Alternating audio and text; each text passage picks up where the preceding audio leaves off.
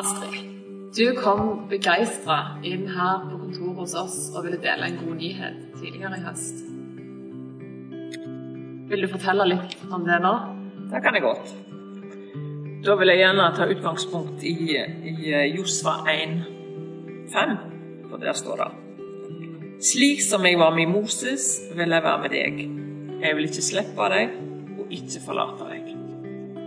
Og dette var da andagsordet som jeg hadde lest eh, en dag i oktober.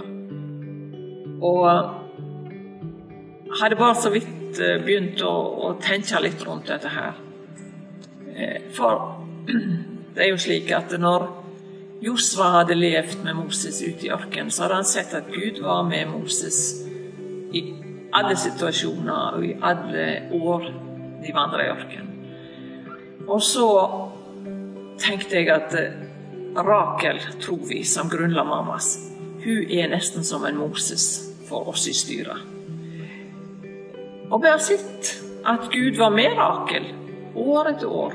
30 år jobbet hun med på Filippinene blant de fattigste. Og mange ganger så hadde ikke Rakel pengene som hun behøvde der og da. Men de kom.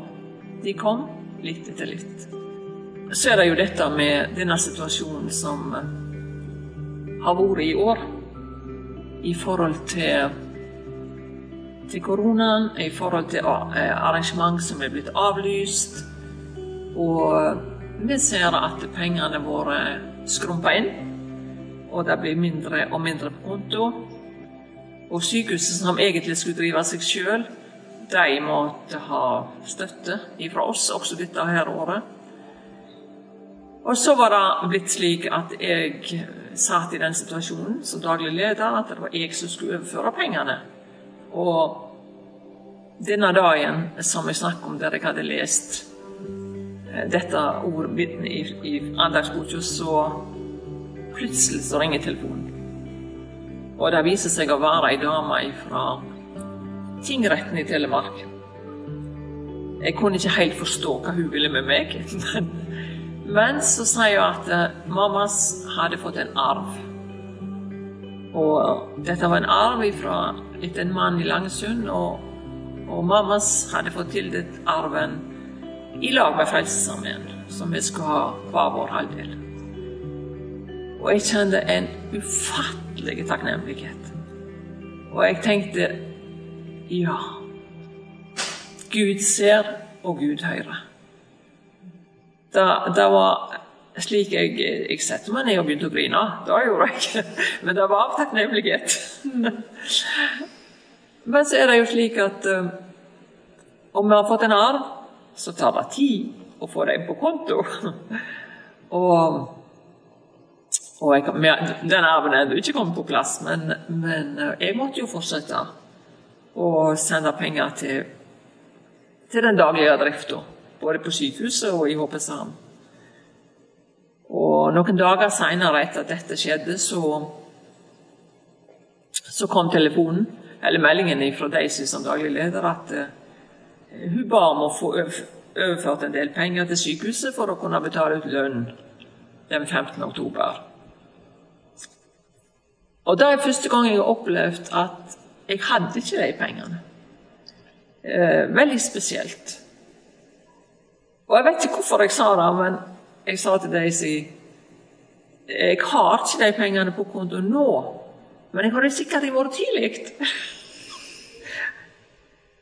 og så måtte jeg sette meg ned og sende meldinger til bønnegruppa mi og si nå må dere be om raske penger, for vi trenger de til i morgen tidlig.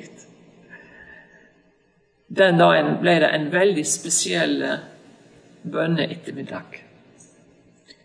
For jeg visste at jeg kunne ikke gjøre mer. Det var Gud som hadde kontroll, og alt lå i Guds hender. Og så ble det slik at når jeg reiste opp dagen etter og sjekka kontoen, så var det kommet inn 11 000 i løpet av den natta. Og Det betydde at jeg kunne sende av gårde det beløpet som de ikke hadde bruk for. Og det er med å, å fortelle meg at vi er ikke overlatt til oss sjøl. Gud ser oss hver eneste dag. Har dette forandra noe på din relasjon til Gud? Både ja og nei.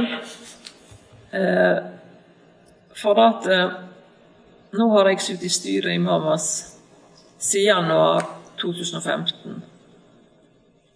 Og jeg kan vel si at det første, det første året, eller fra januar til september det året, så levde jeg i den trua at det var jeg som skulle skaffe de pengene som trengtes til driften. Eh, jeg bar det på skuldrene mine, og skuldrene mine var noen opp under ørene. Eh, for eh, jeg kjente veldig på det ansvaret, og jeg forsto ikke helt hvordan jeg skulle klare å få det til. Og så var, det, var vi kommet til september, og jeg var på, jeg var, var på Filippinene i Manila alene. Og der kom det en melding på telefonen klokka to om natta Eh, for den som sendte meldingen fra Norge, tenkte ikke på at det var natt i Manila. Og da var det egentlig en akkurat lignende melding som den jeg tok imot nå. Mammas har fått en arv. Og jeg husker bare at eh, det ble ufattelig stort for meg. Jeg grein resten av den natta, men da gjorde hun ingenting. For det var takknemlighet. Mm.